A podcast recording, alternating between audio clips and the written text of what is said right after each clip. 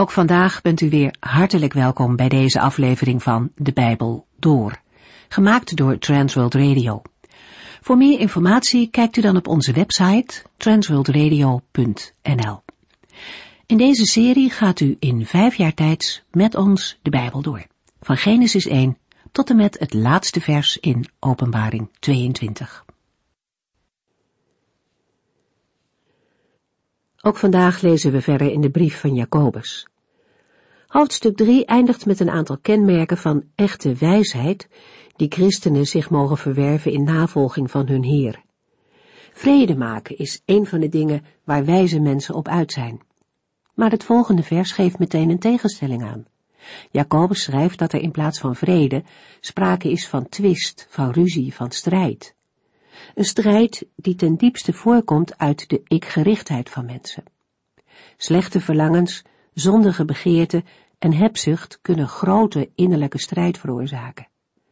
En verder spreekt Jacobus over gelovigen die vriendschap met de wereld sluiten. Een dubbele moraal. Een christen kan niet de Heere dienen en tegelijkertijd een vriend van de wereld zijn. Jacobus noemt iemand die voor de wereld kiest ronduit een vijand van God. Op dat punt is er geen compromis mogelijk. De Heere God wil en kan onze liefde niet delen met de wereld. En het nalopen van de wereld is een vorm van geestelijk overspel.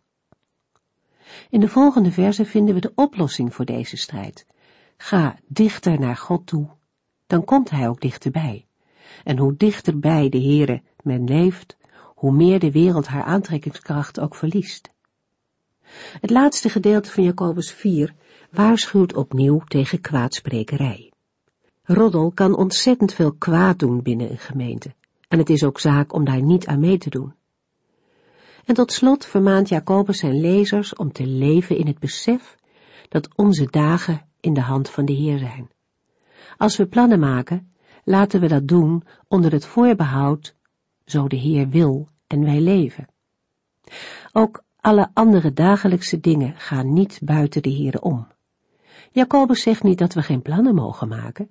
Het gaat erom dat we dat niet buiten de Heer omdoen, maar dat we Hem betrekken bij alles in ons leven. We gaan verder in Jacobus 5 vanaf vers 1. Jacobus 5, vers 1 tot en met 6 vertoont duidelijk overeenkomst met het voorafgaande, met Jacobus 4, vers 13 tot en met 17. Beide pericopen beginnen in de Griekse tekst met de aanspraak welaan nu.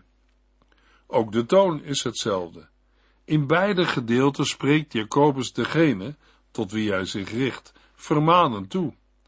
De woorden doen sterk denken aan de oud-testamentische profeten. Bovendien horen de aangesprokenen van beide Bijbelgedeelten tot de kring van de rijken onder zijn lezers. Dat hij de rijken niet aanspreekt met broeders en zusters, vindt zijn oorzaak in hun onbroederlijk optreden. Jacobus 5, vers 1. De rijke mensen onder u kunnen beter in huilen uitbarsten en jammeren over de ellende die hun te wachten staat. Jacobus gebruikt twee werkwoorden die ook door de profeten in het Oude Testament gebruikt worden als zij het oordeel aankondigen. Dat Jacobus juist huilen en jammeren gebruikt, houdt verband met wat hij er verder op laat volgen.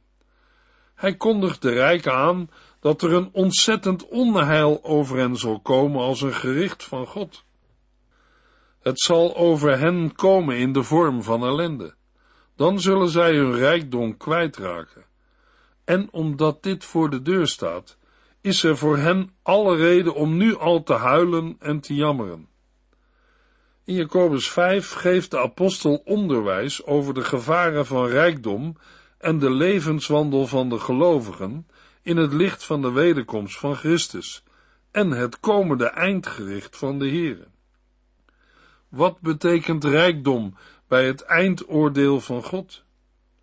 Jacobus gaat in op de wijze waarop de rijkdom is verkregen en wat de rijken ermee hebben gedaan. Ook de handel en wandel van rijken zal de Heere beoordelen als de boeken worden geopend en ieder mens verantwoording moet afleggen van wat hij of zij in zijn of haar leven heeft gedaan of nagelaten. De Romeinse wereld in de dagen van Jacobus leek helemaal niet op de wereld waarin wij leven. De manier van leven verschilde volkomen.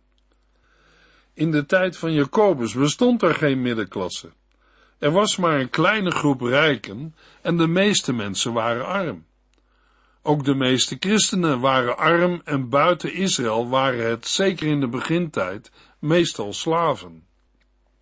Zij hadden geen grote gebouwen of majestueuze kathedralen in de grote steden of op het platteland. De eerste kerken leken niet op een kathedraal, maar als er al een gebouw was, was het een sobere en eenvoudige ruimte. De christenen kwamen in de begintijd vaak op een openbare plaats bij een rivier samen of in een woonhuis van een van de gemeenteleden. Daarom moeten we goed begrijpen dat Jacobus zich niet afzet tegen de rijken in het algemeen. Ook in de Bijbel wordt bezit en rijkdom niet veroordeeld. We lezen wel in 1 Timotheus 6, vers 8 tot en met 10. Als we ons kunnen voeden en kleden, moet ons dat genoeg zijn. Maar wie graag rijk wil worden, komt al gauw in verleiding en raakt verstrikt in de begeerte naar onnodige en verkeerde dingen en gaat tenslotte verloren. Want de liefde voor het geld is de eerste stap naar allerlei andere zonden. Sommige mensen hebben zich daarvoor zelfs van God afgekeerd en zich veel ellende op de hals gehaald. Het probleem ligt niet direct bij het geld, maar zit in het hart van de rijken. Jacobus veroordeelt de gelovige gemeenteleden niet omdat ze rijk zijn, maar omdat zij verkeerd met hun rijkdom omgaan. Daarbij gaat het bij Jacobus ook over de manier waarop zij hun geld hadden verkregen en wat zij ermee hebben gedaan. Ook in het onderwijs van Jezus komen we aanwijzingen tegen over geld en bezit. In Lucas 16, vers 19 tot en met 31 lezen we het verhaal van een rijke man en de arme Lazarus. De gelijkenis ging over de manier waarop de rijke man zijn geld besteedde. Hij besteedde het om er goed van te leven. Het is opvallend dat de arme Lazarus als bedelaar bij de poort van zijn grote villa werd neergelegd. Er staat niet bij wie dat gedaan heeft. Het lichaam van Lazarus zat onder de zweren en hij moest zijn honger stillen met wat bij de rijke man van de tafel afviel. Bovendien vertelt Lucas ons dat Lazarus er zo erg aan toe was dat de honden zijn zweren kwamen likken. En dat terwijl de rijke man overdadig van zijn geld leefde en een luxe leven leidde. Daarom werd de rijke man op de een of andere manier verantwoordelijk gehouden voor de toestand van de arme Lazarus die bij de poort van zijn dure huis was gelegd. Dit moeten we wel constateren als we letten op hun eindbestemming na hun overlijden. Lazarus werd door de engelen bij Abraham in de hemel gebracht, en de rijke man ging naar het dodenrijk, waar men van God gescheiden is. De Heere had beide mannen geoordeeld en hun eindbestemming aangewezen. Ook in Lucas 12, vers 16 tot en met 21 vertelt Jezus een gelijkenis over een rijke man die heel veel vruchtbaar land had. De opbrengst was zo groot dat hij niet in de schuren paste. De man bouwde toen grotere voorraadschuren. Tenminste, dat was hij van plan. Maar God zei tegen hem, dwaas, vannacht zult u sterven. En wie krijgt nu alles wat u achterlaat? De Heer zegt in Lucas 12 vers 21, zo gaat het met iemand die altijd maar meer wil hebben, maar in Gods ogen een armoedzaaier is. Gods woord laat duidelijk zien dat plannen maken zonder de Heere ijdelheid is en een valstrik om zelf ten onder te gaan. Immers, het zijn sterke benen die de weelde kunnen dragen. De Heer Jezus zegt duidelijk in Johannes 15 vers 5, want zonder mij kunnen jullie niets doen. Luisteraar, Wij doen er goed aan, ook op het gebied van geld en bezit, hem te geloven op zijn woord. Er is nog een derde gelijkenis over rijkdom die Jezus vertelde. Het is de gelijkenis van de onrechtvaardige rentmeester of beheerder in dienst van een rijke. We vinden de geschiedenis in Lucas 16, vers 1 tot en met 9. Op een zekere dag werd hij ervan beschuldigd dat hij de bezittingen van de rijke man verkwiste. Hij wordt ontslagen en komt daarna op het idee om vrienden te worden met de mensen die bij zijn heer in de schuld stonden. Hij liet de mensen bij zich komen en verminderde hun schuld. Honderd vaten olie werden vijftig vaten olie. Honderd zakken tarwe werden tachtig zakken tarwe.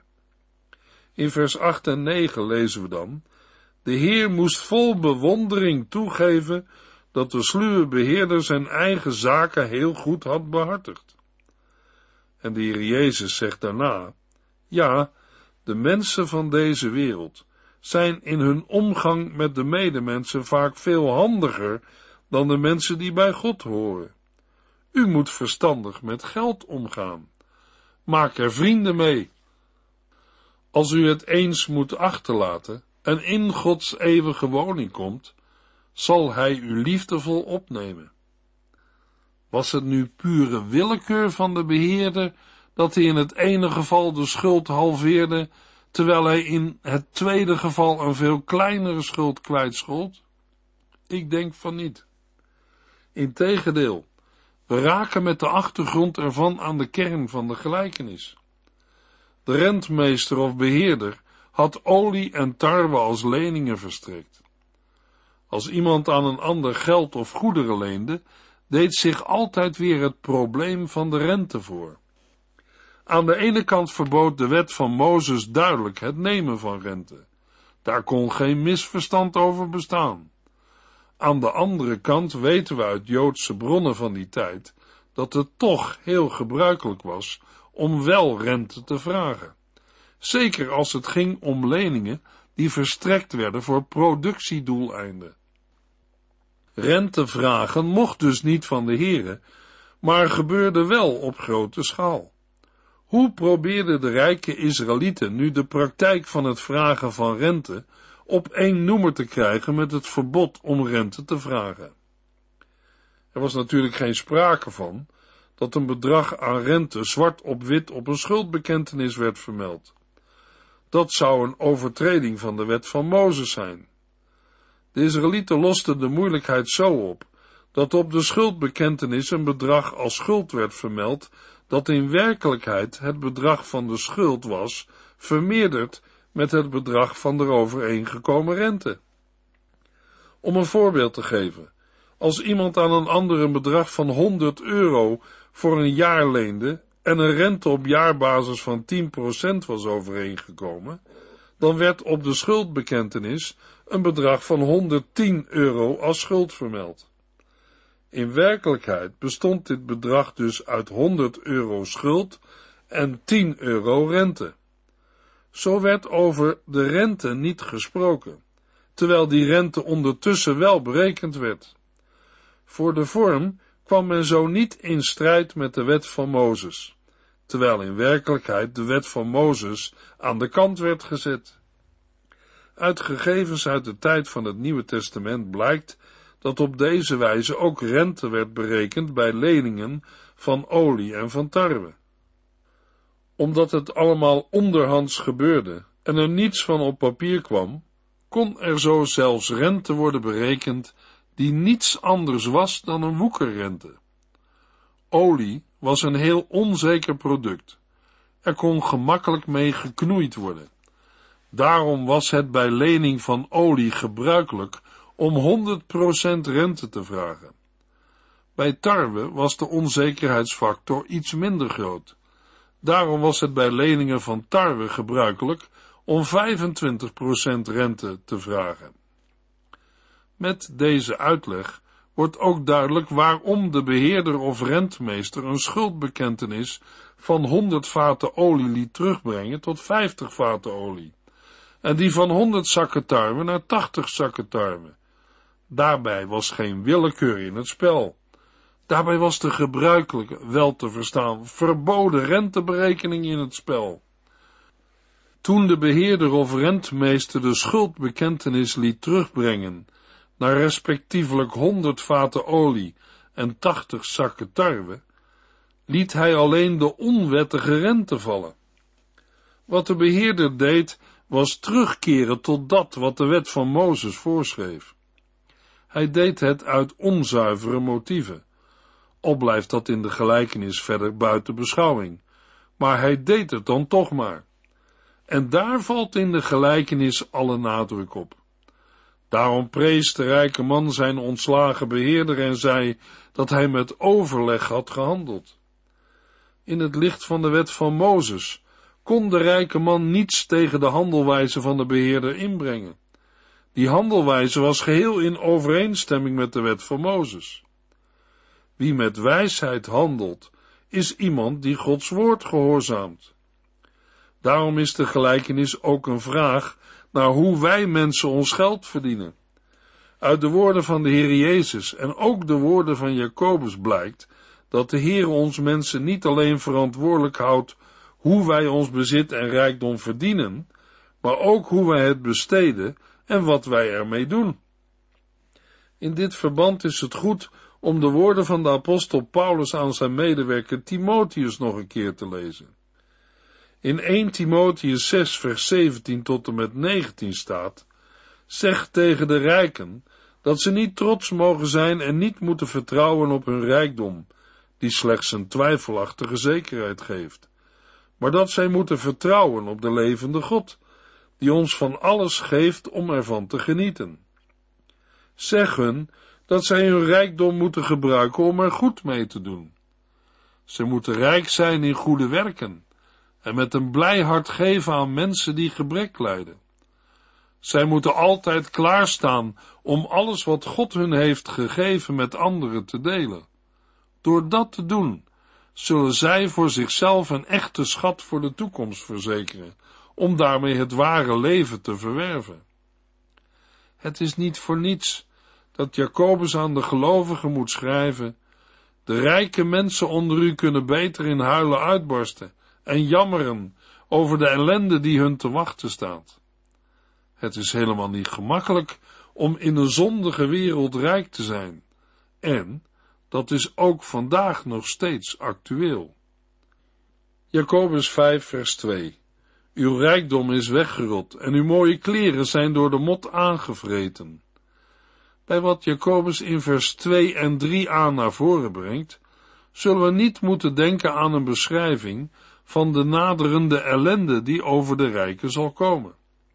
Nee, we moeten de woorden begrijpen vanuit het tweede deel van vers 3. Die roest zal tegen u getuigen tegenover God, en u zult erdoor worden verteerd als door vuur. Het gaat bij de woorden weggerot en aangevreten om een aanduiding van de huidige toestand, die op de dag van het gericht tegen de rijken zal getuigen.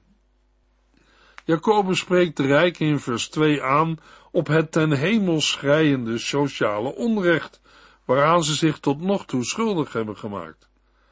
Met al hun rijkdom hadden zij veel armen kunnen helpen, maar in plaats daarvan hebben zij al hun schatten ergens opgeslagen, waar ze ongebruikt zijn blijven liggen, met als gevolg dat al hun rijkdom is weggerot en aangevreten. Bij het begrip rijkdom in vers 2 zullen we dan ook niet alleen aan graan en levensmiddelen moeten denken, maar ook aan kleren en andere bezittingen. Met hun overtollige kledingstukken hadden de rijken vele mensen zonder kleren kunnen helpen. Maar ze hebben hun mooie kleren door de mot laten opeten. En zo zeggen de woorden weggerot en aangevreten ook veel over de rijken zelf. Jacobus 5, vers 3. Uw zilver en goud zijn door roest aangetast. Die roest zal tegen u getuigen tegenover God, en u zult erdoor worden verteerd, als door een vuur. U blijft rijkdom verzamelen, terwijl de dag van het grote oordeel nabij is. In vers 2 wierp Jacobus de rijken voor de voeten dat hun rijkdom is weggerot en hun mooie kleren door de mot zijn aangevreten. In vers 3 voegt Jacobus er nog aan toe dat hetzelfde met hun goud en zilver is gebeurd. Uw zilver en goud zijn door roest aangetast. In plaats van degene die bij hen in loondienst zijn, daarvan op tijd uit te betalen, hebben zij al dat goud en zilver enkel voor zichzelf opgehoopt. Het gevolg is nu dat het is gaan roesten. Op deze sprekende manier wil Jacobus de rijken laten zien dat ze ook in dat opzicht zwaar onrecht hebben gedaan. Bij het komende gericht van de Heere zal hen dat duur komen te staan. Die roest, een personificatie, zal dan tegen hen getuigen. Hetzelfde geldt met betrekking tot het verrot zijn van hun rijkdom en het door de mot aangevreten zijn van hun mooie kleding. Dat alles zal hen dan aanklagen, en dat niet alleen. Die roest zal hen verteren als door vuur. Met andere woorden, het zal zich tegen hen keren. Dat Jacobus in dit verband het beeld van een verterend vuur gebruikt, ligt voor de hand. In de oordeelsprediking van de oud-testamentische profeten komen we het geregeld tegen. We vinden de oordeelsprediking ook in het Nieuwe Testament. Aan het slot van vers 3 voegt Jacobus er dan nog aan toe. U blijft rijkdom verzamelen, terwijl de dag van het grote oordeel nabij is. De nadruk ligt bij deze woorden op de tijdsaanduiding, terwijl de dag van het grote oordeel nabij is. Bij al het verzamelen van schatten op aarde hebben zij er niet bij stilgestaan dat het einde van de tijd intussen met Pinkster al is aangebroken. De dag van het grote oordeel is nabij, en dan zullen al die schatten hun niets meer baten.